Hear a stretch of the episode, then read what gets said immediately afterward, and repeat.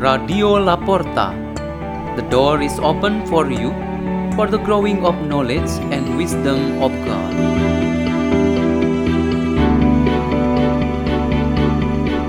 Delivered by Maria Olivia from Christus Raja Paris, Diocese of Surabaya, Indonesia.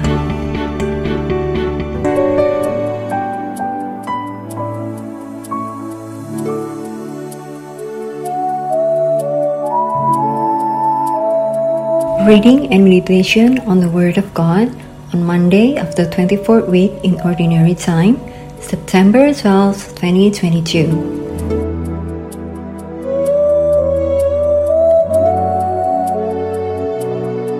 The reading is taken from the Holy Gospel according to Luke. When Jesus had finished all his words to the people, he entered Capernaum. A centurion there had a slave was ill and about to die, and he was valuable to him. When he heard about Jesus, he sent elders of the Jews to him, asking him to come and save the life of his slave. They approached Jesus and strongly urged him to come, saying, He deserves to have you do this for him, for he loves our nation and he built this synagogue for us. And Jesus went with them.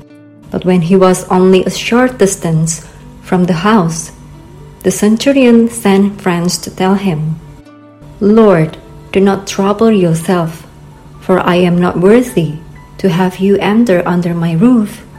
Therefore, I did not consider myself worthy to come to you. But say the word and let my servant be healed. For I too am a person subject to authority, with soldiers subject me. And I say to one, Go, and he goes, and to another, Come here, and he comes, and to my slave, Do this, and he does it. When Jesus heard this, he was amazed at him and turning, said to the crowd following him, I tell you, not even in Israel have I found such faith. When the messengers returned to the house, they found the slave in good health. The Gospel of the Lord.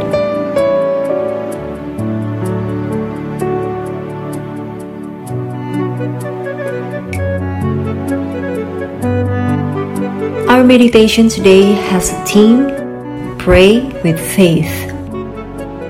There are ways that show people pray without faith. For example, ignorance makes someone's praise not with faith. He certainly does not know to whom he directs his prayer. People also pray to idols, that means their purpose is not to God. People pray with their hearts and minds full with evil and won't fight against God. There are still many other examples. We certainly want to avoid these types of prayer and resolve ourselves to pray with faith. The situation of the mind and heart, such as sad, restless, curious, longing, frustrated, hopeless, and happy, can become the contents of our prayers. Along with this, the most important thing is that we give thanks, praise, or petitions to the God as we trust everything in Him. We also believe that He who hears us will answer our prayers. This basically signifies the prayer with faith. There are many forms of prayer with faith. From today's inspired holy readings, we have at least two characteristics that can help us strengthening our dedication in prayer. First, a prayer that is generous intends to intercede for all those who need God's blessing.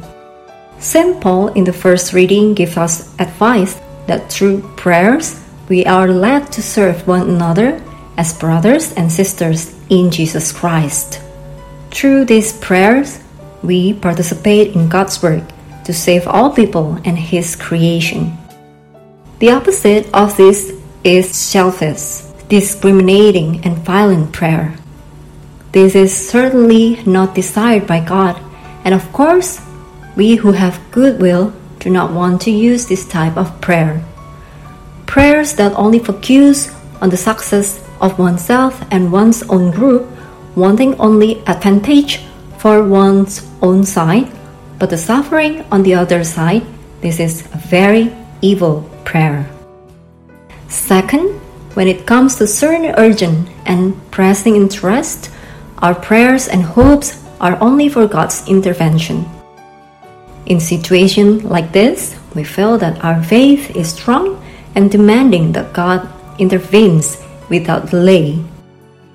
This is the case of the Roman officer who urged Jesus to heal his dying servant. In any situation and problem, our prayer with faith that is sincere and strong, God is pleased to come to meet our actual situation, then give his answers. Praying with faith is absolute in every activity and situation. Now the decision is ours whether we want to do it or not. Let us pray. In the name of the Father, and of the Son, and of the Holy Spirit. Amen. O Jesus Christ, strengthen our faith as we pray to the Father, as you yourself have taught us. May we always do your will and not our will. Hail Mary, full of grace, the Lord is with thee.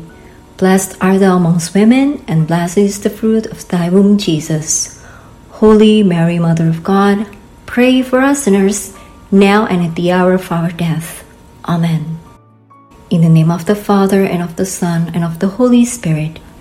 Amen. Radio La Porta. The door is open for you.